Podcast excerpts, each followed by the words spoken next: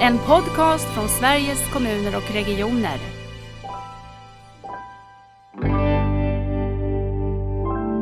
ledare om att de också ska ha mandat eller kräva mandat att påverka de system som de verkar inom.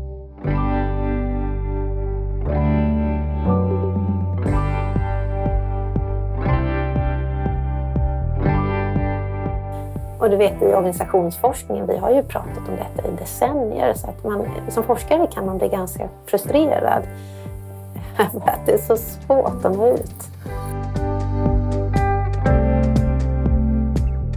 Omställningen till nära vård innebär också en omställning i hur vi leder och styr. Tillitsbaserat ledarskap det väcker allt mer intresse och stämmer väldigt väl överens med de grundläggande värderingar som nära vård vilar på.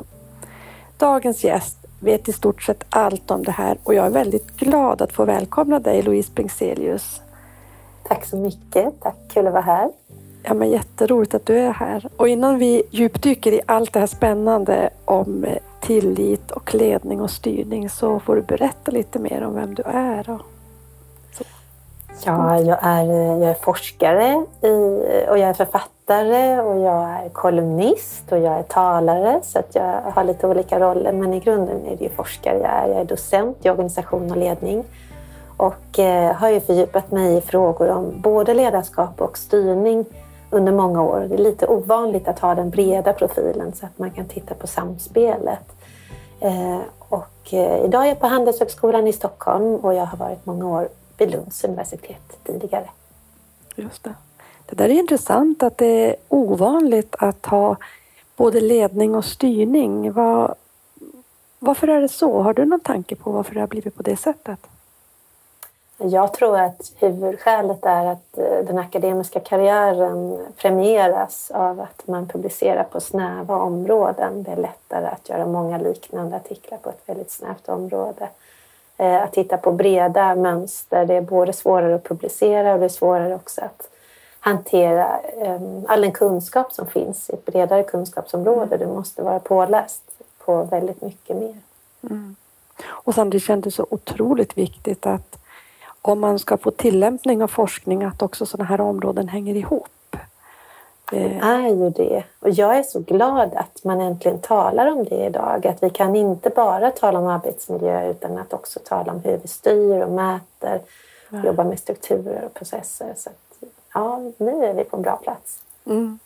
För då, när du inte gör allt det här som jag förstår och vet är en ganska upptagen vardag, vad, vad gillar du att göra då?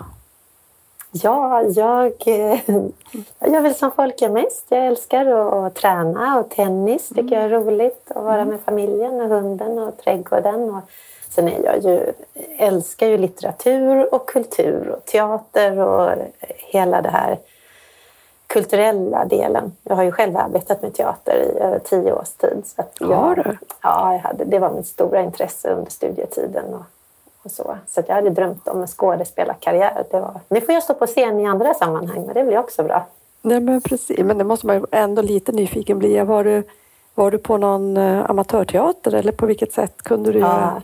Mm. Ja, det var, jag var, eh, först var man ju på ja, det var amatörteater och jag ledde också teatergrupper och jag var eh, regissör på Lunds nya studentteater. Eh, och sen sökte jag faktiskt in till en riktig teater. Men då fick jag liksom såna här små statistroller och då kändes det lite tråkigt. Man tappade lusten. Ja, det förstår jag. Mm. För att ledarskap och förmågan att beröra människor hänger, tänker jag, väldigt nära ihop. Så du har säkert du har stor nytta, det förstår jag. det. När man lyssnar till det så kan jag förstå att du har en sån bakgrund också. Men jag tänker också att det borde hänga lite ihop med, med ditt forskningsfält. Ja. Kring ledarskap och människor och beröra.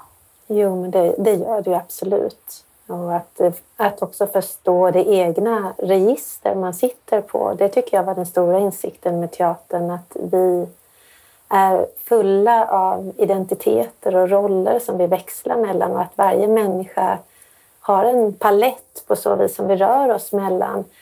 Och det gör ju också att jag hör ju till de som är väldigt eh, skeptiska mot eh, de här tester av personligheter och så. För att jag är intresserad av djupet hos människan och och alla de här nyanserna, komplexiteten i det mänskliga beteendet. Det där är ju väldigt intressant också. Det kanske vi kan komma in på mer när vi pratar framåt också om rekrytering av ledare och hur vi ska tänka kring de delarna. Men jag tänker hur, hur har du kommit i kontakt med nära vård? Har du någon, någon känsla för den omställning som pågår av hälso och sjukvård och omsorgssektorn? Ja, absolut. Jag har ju följt Anna Nergårds arbete väldigt noga. Och när jag var i Tillitsdelegationen och den här statliga utredningen som syftade till att stärka professioner och patienter, eh, då var det också väldigt närliggande med arbetet för en, när, en nära vård. Så att det här har ju gått hand i hand som jag ser det över tiden och det ligger väldigt nära varandra. Mm. Så det är väl där. Och sen har jag ju också haft lite roller i eh, jag har varit strategisk rådgivare i Region Skåne bland annat och mött sjukvården på olika sätt i både min forskning och utanför den. Och vi har haft förmånen med dig i, ledarskapsprogrammet vi har haft också så att eh, ja, det, det har varit väldigt viktigt. Ja, Tillitsdelegationen följde jag eh, också ganska nära. Jag, det var på min tid när jag var vårdstrategisk chef på Vårdförbundet men nu börjar jag fundera på hur låg de här i tid till varann, eh, Göran Stiernstedt och Anna Nergårds utredningar. Och när, när var det Tillitsdelegationens stora uppdrag? Under vilka år jobbade ni? Men uppdraget i välfärdssektorn löpte 2016 till 2018. Just det. Eh, så eh, Anna Nergårds arbete låg egentligen, större delen låg lite efter där. Mm. Och vi byggde utredningens arbete delvis på Göran Stiernstedts Eh, arbete. Så att även det kom in mycket och vi refererade i vårt huvudbetänkande till det. Sen fortsatte Tillitsdelegationen med arbete kring statsförvaltningen och det var ju till 2019. Just. Så, ja, så har det sett ut. Mm. Jag tycker ju mer vi jobbar med den här omställningen, ju tydligare blir det att det går ju inte bara att tänka att nu är det medarbetarna som ska ändra sina arbetssätt eller vi som medborgare som ska, ska på sätt efterfråga nya tjänster. Det blir så tydligt att om vi fortsätter leda och styra i på sätt det gamla paradigmet så kommer vi inte få till det här, i alla fall inte fullt ut. Vi kan få göra bra arbetssätt, men att få till det på riktigt och den, det värden som hela den här omställningen står på behöver ju spegla sig i det. Hur tänker du kring de kopplingarna kring att göra förändringar och ledarskap och styrningens roll? Det här är ett ständigt dilemma var man ska rikta ljuset. För som du är inne på, det spelar roll för hur vi arbetar i vardagen, vårdprofessionerna i sin vardag. Mm. Eh, men det spelar också väldigt stor roll hur man arbetar på central nivå, hur vi styr hela den svenska vården och omsorgen. Och där ligger det stora ansvar på högsta beslutsnivå på både politiker och tjänstemän i att facilitera den här omställningen. Ett ansvar som jag tycker att man, där man, jag tycker att man kan göra mer för att ge bättre förutsättningar för verksamheten. Mm. Vad skulle det kunna vara? Eh, vad, är det som, vad är de stora nycklarna som behöver förändras, skulle du tänka? Det första jag vill peka på i så fall är att vi behöver ta ett gemensamt ansvar för att minska byråkratiseringen av sjukvården. Mm. Det här var ju kärnan till Tillitsdelegationens arbete, den massiva kritiken mot detaljstyrning och förpappring och byråkrati, växande byråkrati. Vi måste frigöra resurser och engagemang så att man kan jobba med det man är till för och brinner för och fokusera på patienten. Och det är ett stort paradigmskifte där man måste, man måste eh, släppa den här mätsjukan som mm. finns i vården idag och idén om att allt ska standardiseras. Men utan att för den skulle sluta mäta helt. Och där skulle jag verkligen önska att man tog krafttag och lärde sig av det vi skickar med från forskningen och från professionerna om vad man behöver för att skapa förutsättningar. Ehm, det är väl den första delen. Och sen mm. tycker jag att en annan del är att vi måste ha en, en bättre dialog om ansvarsfördelningen mellan staten och regioner och kommuner. Mm. Där staten i högre grad behöver ta en samordnande roll eh, till exempel när det gäller journalsystem och fastigheter och precisionsvård. Eh, där behöver vi ha ett bättre samarbete. Och också en högre tillit mellan nivåerna. Och där har ju SKR en väldigt viktig roll att fylla. Som jag, jag tror att förutsättningen för SKR är bättre idag som jag ser mm. att den organisationen håller på att utvecklas nu. Just. Ehm, med det nya ledarskapet så är det mm. spännande att se. Så det här är två av de viktiga delarna. Jag kan ju rada upp många. Jag har ju också en käpphäst i, eh, i tillsynen, att vi måste ha en främjande, lärande tillsyn som också, är, eh, också har tänder att säga ifrån när det finns allvarliga brister. Så att vi, tillsynen är en egen historia. Just Jag tänker om man tar dem lite grann, det här första du säger, förpappringen och Eh, och all den här detaljstyrningen som jag tror vi alla känt av som på olika sätt har varit i, i vården professionellt på olika sätt. Antingen jobbat i sin egenskap av psykolog eller läkare eller sjuksköterska men väldigt mycket också de som finns i första linjen som chefer. Jag, jag känner väldigt väl igen mig i, i, ledarskap som jag själv har haft i vården. Att, eh, det rimmar ganska illa med det jag ser att jag behöver göra och det jag hela tiden frågas efter om jag har gjort eh, någon annanstans ifrån. Mm. Eh, samtidigt kan jag se att hälso och sjukvården har ju en så tung fot i, i det evidensbaserade och då är det evidensbaserade i mötet med, med patienten. Vilket också har gjort det en, till en ganska tung riktlinjestyrd verksamhet. Så hur ser du på den där delen? Kring ja. att få balansen vid det där. Ja, det här, jag tycker det här är den viktigaste frågan av alla idag. Eh, och som du säger, evidensbaserad vård, att man är väldigt fixerad vid det här. Och det, vi kommer från en medicinsk, fakultet, medicinsk tradition och forskningstradition inom sjukvården. Och där finns en övertro på det mätbara och en bristande intresse eller respekt för kvalitativa slutsatser och studier. Mm. Alltså det som är mer förståelseinriktat och där man inte kan fånga eh, effekter i siffror. Så där behöver det finnas en bättre förståelse. Men det behöver också finnas en ökad kunskap i de här frågorna. Därför att jag har varit, om jag ska vara ärlig, väldigt förvånad ofta när jag kommit in i sjukvården över hur dålig koll de har på organisationsforskningen. Alltså forskningen om styrning och mätning och ledarskap och processer och allt hur man arbetar med det. Och man har, in, har många konsulter som är verksamma där och en del är ju duktiga förstås men jag ser också väldigt gammalmodiga processer födas in i sjukvården som idéer om förändringens fyra rum och personalmotstånd och um, där man jobbar mycket top-down. Alltså modeller som vi övergav för flera decennier sedan i organisationsforskningen men där man höjer och håller uppe detta som senaste kunskap inom sjukvården. Så att det här handlar både om synen på vilken kunskap som är relevant och rätt att ta hänsyn till, den som är mm. siffersatt eller den som inte är det. Och det handlar också om en kunskapsbrist inom sjukvården. Och då ska jag säga att till den kunskapsbristen kommer också det faktum att vårdpersonal sällan på sina utbildningar får lära sig hur styrsystemen ser ut. Hur ser en styrkedja ut från regeringen och neråt och i regionerna och så vidare.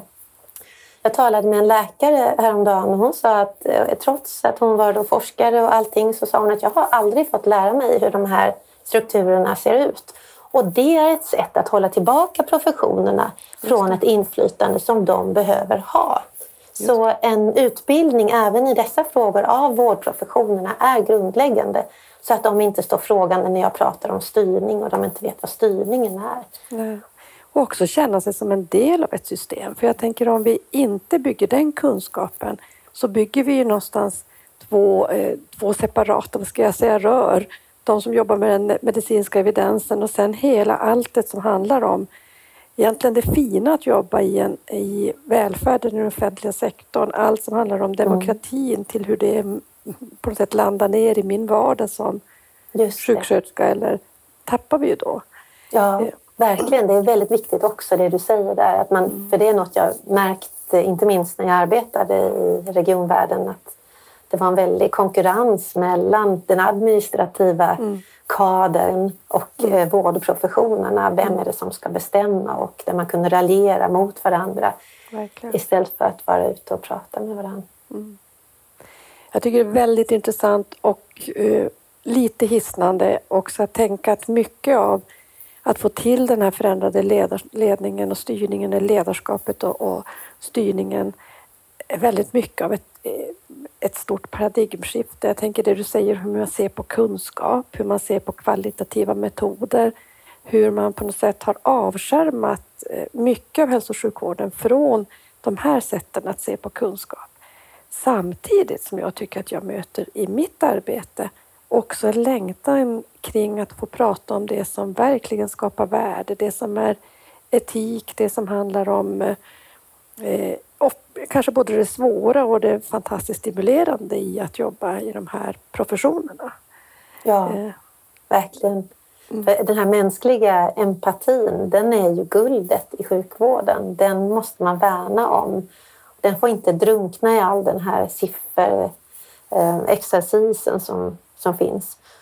Och jag brukar tänka att det finns en risk när vi håller på mycket med genomsnitt och, statistik att människan försvinner i det där. Mm. Man säger ibland att ingen människa är ett medelvärde utan vi måste se varje individ som ska med. Man kan ju man kan jämföra med en, en, pilot som flyger ett flygplan. Man kan inte säga att de flesta kom fram. Vi tappade några men de flesta kom fram. Ja, så genomsnittet är rätt bra. Utan vi behöver se mer till individen eh, i vården idag. Jag tänker på det här Every number has a story.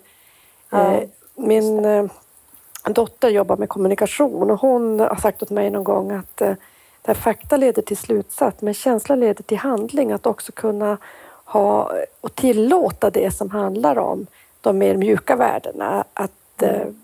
få en plats i diskussion och i ledning och så.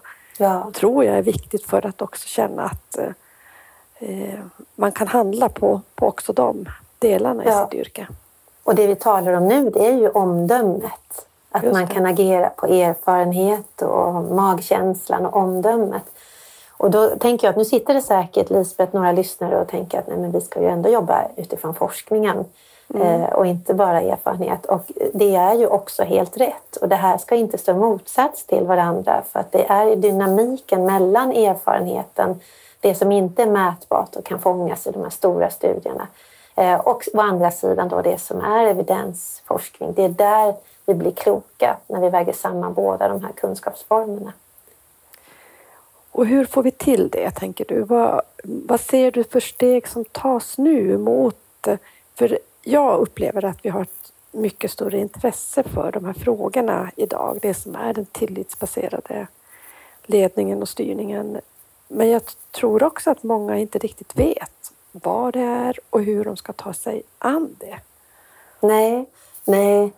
Jag läste för en tid sedan, det var en läkare som hade sagt i en tidning att jag vet inte vad tillitsbaserad styrning är men jag tycker inte om det. Och då blev jag lite fundersam. Eh, för det handlar ju om i första hand tillit till profession och patient. Det är ju där vi vill sätta eh, makten egentligen, skapa ett handlingsutrymme och förutsättningar i det här mötet. Det är därför för våra lyssnare som kanske inte vet vad tillitsbaserad styrning och ledning är. Ja, det är ett sätt att styra och leda eh, där man lyssnar på behoven i verksamheten och låter det vara utgångspunkten för hur man, vad man rapporterar och hur man lägger upp styrsystemen och ledarskapet. Och en sak som jag tycker att man borde göra mer av, det är någonting som jag drev rätt hårt när jag var i en region, då, det var Region Skåne 2018 som strategisk rådgivare. Eh, då var jag själv, jag, ehm, jag tvingade mig till det för jag ville vara det, eh, ute och askulterade i verksamheten en dag i veckan, olika avdelningar. Mm och fick massor av spännande berättelser. Det fanns så mycket man kunde göra för att stötta dem där. Varför sköterskorna slutade. Jag fick ju berättelserna där. Och sen kom man till koncernkontoret och då var det, de var väldigt intresserade kan man säga. De frågade men vad säger de där ute. Vad säger de? Ja. Och det var väldigt roligt att mötas. Och det, ja, vad säger de? Så, så pratade vi om det och så där. Eh, och det visade sig att det fanns så mycket man kunde ta vidare. Och det slog mig ju då att för mig är det så självklart att man måste vara ute och prata mm. med verksamheten. Våga bryta hierarkin och gå ut från högsta nivå, ut på golvet, askultera. Jag, drev, jag ville att hela regionledningen skulle göra det någon gång i månaden. Ja, jag fick inte igenom det, men ändå. Eh, vi behöver helt enkelt bryta den här hierarkin, vara ute och fråga. Så istället för att bara jobba med mätetal och säga det här ska ni göra eller det här följer vi upp och tittar, det har ni inte uppnått. Så behöver vi gå ut och fråga vad behöver ni? Vilka förutsättningar? Ehm, det är att jobba tillitsbaserat. Och att göra det både med personalen och med patienterna. Man mm. arbetar, på vissa håll vet jag, med något som kallas patientresan. Att alltså analysera vad händer mellan, i mellanrummen och så mm. för en patient. Och de som inte kom in i vården, hur gick det mm. sen? Och den typen av uppföljningar behöver vi också ha mer av. Så då, rent praktiskt skulle man kunna säga att eh, var och en av oss som är ledare skulle kunna ta steg för att gå mot, mer mot ett tillitsbaserat ledarskap och mm. eh, också påverka styrningen på det sättet genom att vara mycket närmare det som är kärnan ja. i, i verksamheten. Ja, absolut och ha det vi kallar ett verksamhetstjänande ledarskap. Fråga vad kan jag göra för att hjälpa er? Istället för att man fostras i den här eh, traditionen av att man pekar med hela handen och säger att det här ska ni göra.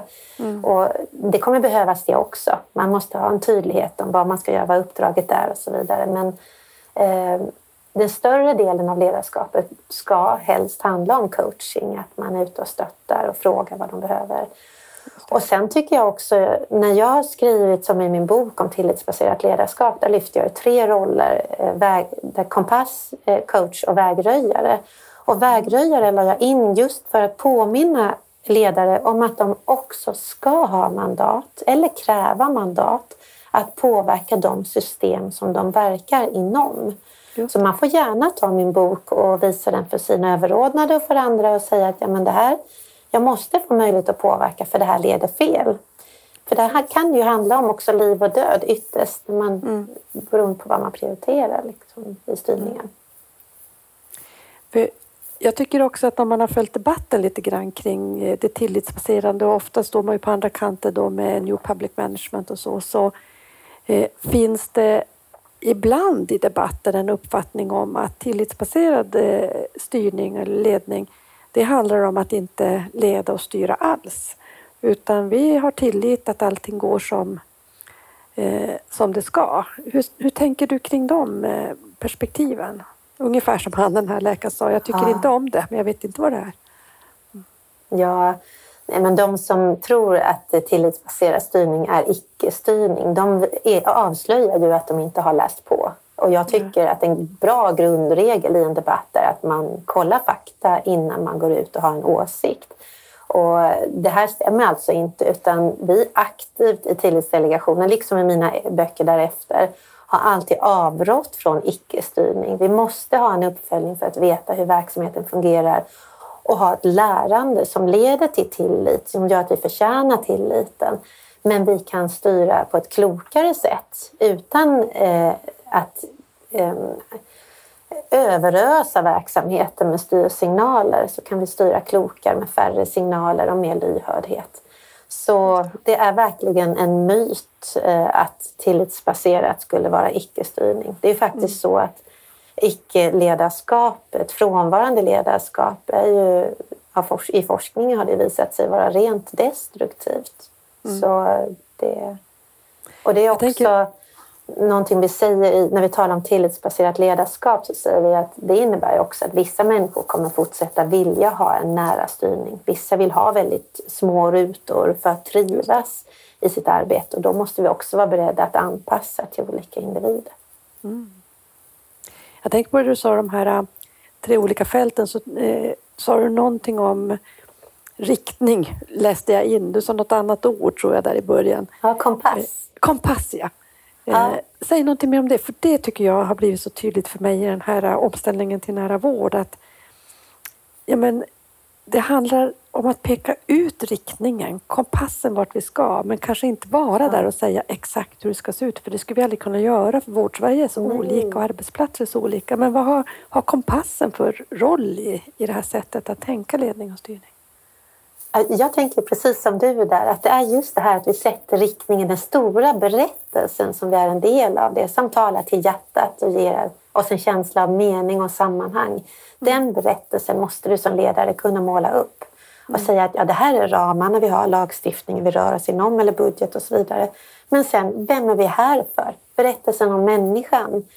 Och jag skulle vilja se att man lyfter fram mycket mer patientberättelser på chefsdagar och APT och så vidare. Att vi på så vis synliggjorde det här syftet som vi har i verksamheten, den här kompassen. Levande gör det här i vardagen. Eh, Och visst, det är ju ett vis- ett visionärt ledarskap. Men eh, det är inte alla som är helt bekväma med det, men det, det behövs för att motivera människor, som har, framförallt de som har stark inre motivation. Och det ser vi eh, ofta inom sjukvården, att man vill verkligen göra ett gott arbete. Det, Ja men precis, åter till den där kärnan. De allra flesta som är där eh, har ju den här drivkraften och det har vi lite slösat bort tycker jag också. I, Ja. Att inte låta den ta plats. Ja. Jag läste ett inlägg för några år sedan av en erfaren läkare från sjukvården. På LinkedIn så skrev han att under många år har jag varit läkare, eller eh, förlåt, högre chef och jag är läkare i grunden och nu finner jag att jag har förlorat mig själv i alla dessa Excel-ark och tabeller och ser att vi har inte fokus på hur det går för patienten, sa han. Nej. Och det är ovanligt att en, eh, en toppchef går ut så och offentligt skriver att ja, jag har missat någonting. Det här var en lärdom som jag vill skicka med till alla andra. Jag eh, tycker det var fint gjort. Men också någonting vi ska bära vidare allihopa här och fundera på. Vad har vi fokus verkligen. på? Jag kan säga jag spelade in, om det var tidigare i veckan eller förra veckan, en, en podd med nya eh, hälso och sjukvårdsdirektören på Sahlgrenska. Men det var egentligen utifrån fokuset på hans förra roll som hälso och sjukvårdsdirektör på Södra Älvsborgs sjukhus. Bobo Hallberg heter han. Och han berättade vad det betytt för dem att alltid ha patientrepresentanter som en del av sin ledningsgrupp. Hur det på något sätt förändrar också berättelsen om varför man leder och styr också. Eh, Det tycker jag var väldigt Ja. intressant. Mm. Ja, det tror jag också på. Verkligen bra idé. Och jag vet att de har gjort något liknande i Jönköping där de eh, talar om, ehm, inte Elsa, det är, det är något namn de Ester. använder. Ester. Ester är det, ja. Talar om patienten. Just det. Ja, klokt. Bra Bobo, det är det medskicket. Mm. Ja, men precis. Det, ni som inte har lyssnat på det avsnittet får göra det sen.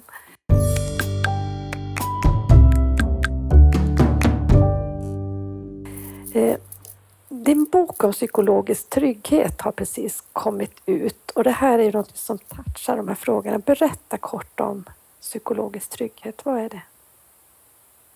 Psykologisk trygghet är eh, känslan av att du kan tala fritt om problem som finns i verksamheten eller fel och misstag som du själv begår eller om idéer och förslag du har utan risk för att du ska bli förlöjligad eller bestraffad på något sätt. Så egentligen handlar det om att du, en, ett klimat där vi vågar använda vårt omdöme och vara öppna med varandra. Och psykologisk trygghet är ju motsatsen mot en tystnadskultur. Och det är särskilt viktigt när vi har högriskverksamhet. Och sjukvården är ju faktiskt, liksom omsorgen, högriskverksamheter. Och därför är den psykologiska tryggheten särskilt stor.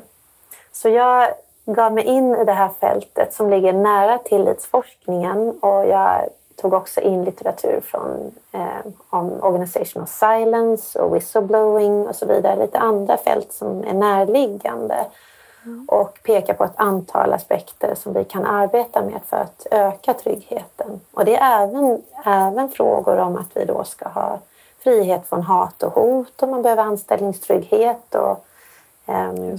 den typen också av förutsättningar. Men någonting som jag också trycker lite extra på i boken är ju detta med att vi måste våga släppa maktstrukturer. Att vi måste våga släppa hierarkierna. Och när vi ska tala öppet med varandra då måste vi känna att rummet har inte någon hierarki utan alla har möjlighet att tala fritt från hjärtat och vi dömer inte varandra. Där tror jag att vården, jag menar bestämt att vården har en stor utmaning. Mm. När jag kom in i sjukvården i den här rollen som rådgivare och lärde känna den så är jag förvånad över hur oerhört hierarkiskt det var. Nu skiljer det sig åt en del mellan Sveriges regioner vet jag också. Men det, det här måste vi sluta med. Vi måste inse att ibland är beslutslinjen jätteviktig. Men ibland är det farligt att bli fixerad vid beslutslinjen. För du hindrar människor från att snabbt hjälpa patienten när det behövs. Mm. Eller berätta om problem i verksamheten. Problem med ledarskapet där du måste gå en nivå upp och berätta om det som inte funkar. Ja, och så vidare. Så eh, beslutslinjen, eh, där hoppas jag att, att vi kan lyfta lite mer diskussion om när den är viktig och när den inte är det. Mm. I nära vård pratar vi väldigt mycket om, det är också någon av våra chefer i en region som har sagt sidledsmod. Att det är ju, oftast har vi ju tänkt, eh, ska jag säga, vertikalt. Linjen är ju alltid vertikal, den går uppåt. Ja. Men egentligen behöver vi ett ledarskap som går på horisont, det horisontella. Att prata med dem när vi har med människor mm. att göra. De kommer någonstans ifrån, de ska vidare någonstans. För dem är helheten viktigare än just en del som de möter kanske i min verksamhet. Och då bryter man ju på något sätt hela den här hierarkiska linjen. För det finns ju, tycker jag, flera hierarkier i hälso och sjukvården. Det finns en rangordning mellan olika professioner som är hierarkiskt så. Vem lyssnar man mest på? Vem ja. lyssnar man minst på? Och det finns också en, en stark linjehierarki vad gäller chefer. Man pratar gärna, ska helst inte prata med den som är ovanför sin egen chef utan man ska alltid gå linjevägen. Och ibland tänker jag att det där måste ju slösa massor med resurser istället för att lösa Verkligen. saker. Verkligen. Jag tänker hur många människor som har kommit emellan, kommit i kläm på grund av att man inte kan gå över hierarkin. Sidledsmod, det var ett bra ord. Ehm, det jag vill lägga till där är att där har ekonomicheferna också en väldigt viktig roll. Liksom mm. våra politiker. Mm. Därför att idag styr man så mycket på resultat på lokala enheter. Var och en har sitt budgetansvar. Och det främjar inte samverkan. Det till och med motverkar samverkan. När man ska titta tillbaka lite nu på hur arbetet med den tillitsbaserade styrningen har gått så kan jag ändå konstatera att störst motstånd har jag ändå mött från just ekonomifunktionerna. Där finns det människor som är fantastiska som verkligen förstår att ha den här strategiska blicken och medlarrollen eh, som ekonomer. Men det finns också de som värnar om en väldig detaljstyrning som just eh, hindrar det här sidledsarbetet mm. eller samverkan. Mm. Det där är ju jätteviktigt. Ser du i din forskning, för det tycker jag är ett dilemma i hela den här när vi ska stöpa om vår välfärd och förstå att vi använder resurser bättre när vi jobbar gemensamt tillsammans över gränser och enheter i de här mellanrummen. Men vi har svårt att hitta hur man kan mäta då effekter. Vad effekten är både i värde, den är kanske lättast att, att mäta även om vi inte gör det idag, men också ekonomiska effekter. Eh, ser du någonstans i din forskning att det är fält som håller på att utvecklas här, att tänka mer eh, helhet i sin ekonomistyrning? I sin ekonomistyrning så ser jag ju att man försöker göra det, tänka mer helhet. Jag hade ett webbinarium bara häromdagen, eh, nyligen nu, eh, där bland annat eh, Västra Götalandsregionen var med. Även mm. Region Östergötland var också med och Vara kommuns region, eller kommundirektör. Och i VGR så märkte jag ju att de, de driver ju det här arbetet väldigt aktivt, att få till ett helhetstänkande, mm. liksom Östergötland gör. Mm. Och, så det pågår. Det pågår verkligen på sina håll. VGR de sa att de hade funnit att man hade 200 principer för ekonomistyrningen eh, i en stor inventering. Så de sa att vi har otroligt mycket att rensa upp ibland. Det. Eh, så det ser jag ju, det ser jag ju händer. Mm. Och man är liksom inte samma, man är inte lika raljerande idag om det här med mätandet. Förut kunde jag få höra att ja, du tycker väl att vi ska sluta mäta och liksom att man raljerade om allting. Nu börjar man ta det på allvar och se att här finns det faktiskt något att hämta. Och du vet i organisationsforskningen, vi har ju pratat om detta i decennier, så att man, som forskare kan man bli ganska frustrerad. Ja, det För att det är så svårt att nå ut. Ah. Mm. Vad tänker du för att man, det är inte att överge mätandet, men det är ändå att minska det väldigt mycket. Vad tänker du? Finns det saker vi inte mäter idag som vi istället skulle mäta då, om jag använder begreppet mäta? Jag tycker att man ska mäta på effekter eh, mer, eh, mer än man gör, gör idag. Man mäter på insatser idag eh, och produktionstal. Ehm, och eh, när man börjar titta på effekter, precis som vid effektutvärderingar, då finner man snart att många av de här kan man inte riktigt fånga i siffror. Det handlar om, ja man kan siffersätta mående, men det kräver mer av förståelse. Ehm, och det är många aspekter som samspelar. Så jag skulle nog inte... Det är svårt för mig att säga exakt vilka mätetal man skulle behöva addera idag. Den vill jag nog passa på. Mm. Det jag kan säga är att jag tycker att man skulle ta, upp mycket, ta in mycket mer av patientupplevelsen i uppföljningen. Att den behöver vara i fokus. Berättelser från patienter. Berättelser och från jag vet själv patienter. när jag råkade illa ut för ett tag sedan i, i sjukvården och ehm, ville ge feedback. Och jag fann att det fanns ju ingen annan väg att ge feedback än att då skriva till ehm, Patientnämnd eller till... patientnämnden. Nej. Just det. Mm. Istället för att hela tiden, det var ju också varit meningen i en lagstiftningsförändring som vi gjorde för ett antal år sedan att vi ska vara mycket bättre på att fånga berättelserna direkt i verksamhet och ändå får vi inte riktigt till de strukturerna i det här lärande sättet att tänka att välkomna, precis som du säger att välkomna när saker blir fel, också välkomna berättelser från patienterna, allt kanske inte blev precis som någon hade tänkt. Just det, att avdramatisera Mm. eh, fel och misstag så vi vågar prata om dem. Det är Precis. jätteviktigt. Och där är det ju också viktigt att släppa prestigen mellan vårdprofessionerna. För som du säger Lisbeth så är det ju en hierarki också mellan olika yrkesgrupper inom vården. Mm. Liksom inom respektive då, yrkesgrupp. Så det är mycket hierarkier. Eh, Och det behöver vi släppa. Det behöver vi släppa. Du var inne på någonting som jag också går och funderar på. Det är politikens roll i det här. Det här är politiskt styrda verksamheter. Eh, hur tänker du att politiken kan underlätta att ledarskapet nu blir mer tillitsbaserat och vi får en styrning som eh, också har de här värdena med sig? Politiken kan göra massor. Där tycker jag det ligger ett enormt ansvar. En del av detta handlar förstås om den grundläggande städningen. Att man ska inte ha för mycket mål och uppdrag och resultatmått att eh, rapportera på. Ehm, och vi ska inte ha så här mycket riktade statsbidrag utan behöver ha en, en stabil grundfinansiering. Men från regionpolitiker till exempel, jag tycker att man ska också ha en närmare uppföljning snarare på vad patienterna upplever.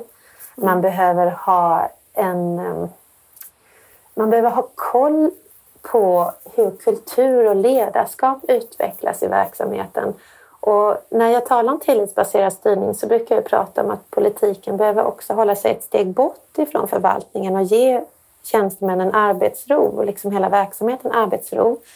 Men det är ju inte bara så, utan ibland när man ser att det inte är en bra arbetsmiljö, när man hör att det är larm om arbetsmiljön, då behöver man gå in och engagera sig och kanske faktiskt göra ett och annat verksamhetsbesök också under ordnade former utan att lova för mycket när man är där ute för att höra lite, vad tycker ni där?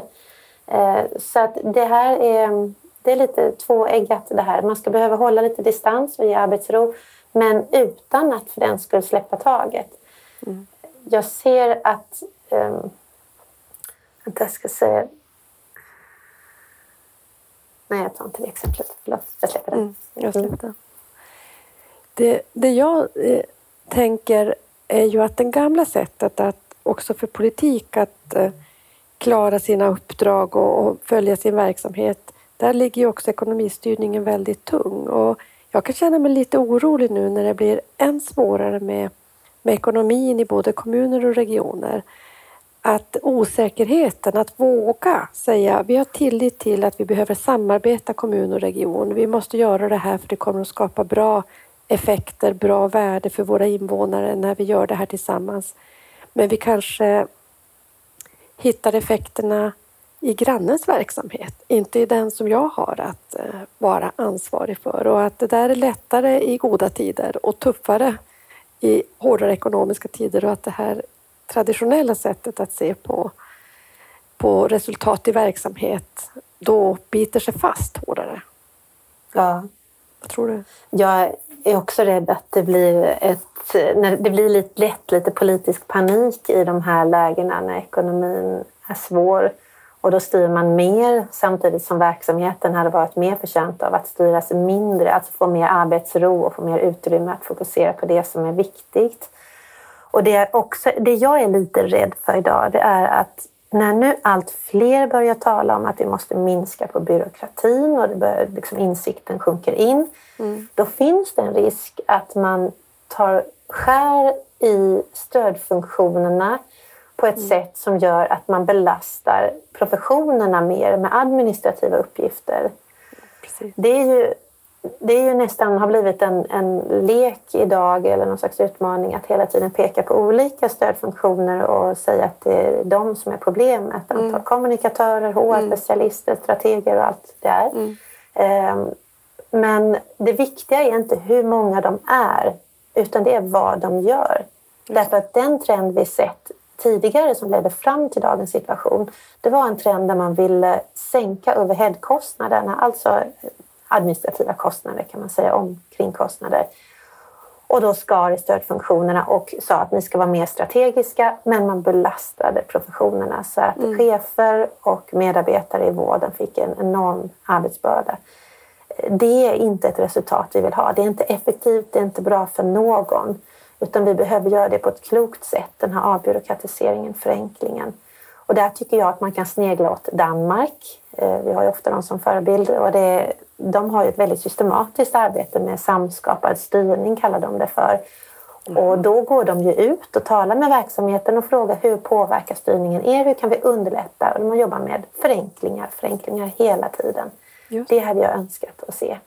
Och sen hade jag ju också önskat se andra attityder på många håll på ledningsnivå. Inte överallt, men jag träffade en sjukhusdirektör nu som sa att man kan inte lita på vårdprofessionerna. De är bara lata och vill liksom bara se till sitt eget. Och mm. Han var oerhört kritisk mot tillit. Eh, det. Och det gör mig ju bekymrad att man kan sitta på en sån position och raljera om den personal som man ska leda. Ja. Det blir aldrig bra. Det kan aldrig bli bra. Nej. Mm. Så Danmark är ett land att blicka om vi blickar lite internationellt där man mm. har hittat sätt att jobba. Mm. Ja. Eh, jag tänkte om du skulle, jag har varit inne på det, men om du skulle eh, ge råd åt oss som ska försöka driva den här omställningen av hälso och sjukvård som vi så ser också handlar om en omställning av ledning och styrning. Vad tänker du är det viktigaste för oss att ta med oss? Går det att säga någonting kring det? Jag tycker ni och då säger vi oss alla, jag menar inte vi på SKR, jag menar alla som ja. sätt brinner för det här. Mm. Jag tycker ni gör ett jättebra arbete redan faktiskt. Ni driver opinion och ni bidrar till lärande och kunskap. Eh, det här är ett långsiktigt arbete. Eh, hela det här med tillit och nära vård och personcentrerat. Man mm. måste vara uthållig. Det har jag inte minst lärt mig av det här med tillitsreformen. Att det var trögt i början men nu händer det. Mm. Och så känner jag även med nära vård. Mm. Eh, och skulle jag ge en lite mer specifik rekommendation, ja, men då är det att ge er in i de svåra styrningsfrågorna. Att verkligen släpp inte bara det och säga att det där är krångligt eller någon annans bord eller så. Utan vi måste jobba både med det mjuka och vardagliga och vi måste jobba med det hårda och system ja. Eh, bärande kan man säga. Så. Just det. Mm. Eh, vi försöker eh, ta oss an det och jag tycker också att det är viktigt att få ha de här resonemangen som vi har fått ha den här, det är imorgon när, jag spel, när vi spelar in det här, så jag säger den här morgonen med dig. Att få ta till den forskning som finns på det här fältet och kanske också bli mycket mer, om vi ska säga evidenstunga vad gäller organisering, ledning, styrning. Ja förändringsledning också. Hur man faktiskt driver förändring så man inte står fast i de här gamla föreställningarna. Ja. De har alldeles för många år på nacken. Är det någonting vi inte har pratat om som vi borde ta upp när vi nu ändå sitter här och pratar om de här viktiga frågorna? Nej, jag tycker nog att vi har tagit upp det viktigaste och psykologisk trygghet och hela... Nej, ja, jag tycker mm. att det, det känns jättebra. Mm. Stort varmt tack. Vi kommer säkert att komma tillbaka till, till dig på många sätt eftersom vi behöver ta oss an det här området ännu mer i omställningen. Så gärna. Du får, du får gärna också berätta som våra andra gäster får om vad nära är för dig. Ordet nära, ja, jag associerar det med omtanke, värme, någonting man håller in till sig. Någonting som inte blir kallt och perifert och diffust utan någonting som, som vi tycker om och som gör oss lyckliga och glada och varma i hjärtat. Det är också, det är också makt, är nära, att någonting ligger nära. Du kan också påverka det, någonting som mm. inte är alltför långt bort. Så ja, där är mina associationer med nära. Tack så mycket. Det var faktiskt första gången. Det var intressant. Nära och makt hänger ihop. Det var fint. Mm. Tack Louise Bringselius för att du ville vara med och ta din tid i din jätteuppbokade kalender till att prata med oss i Nära vårdpodden. Så stort tack! Stort tack till er!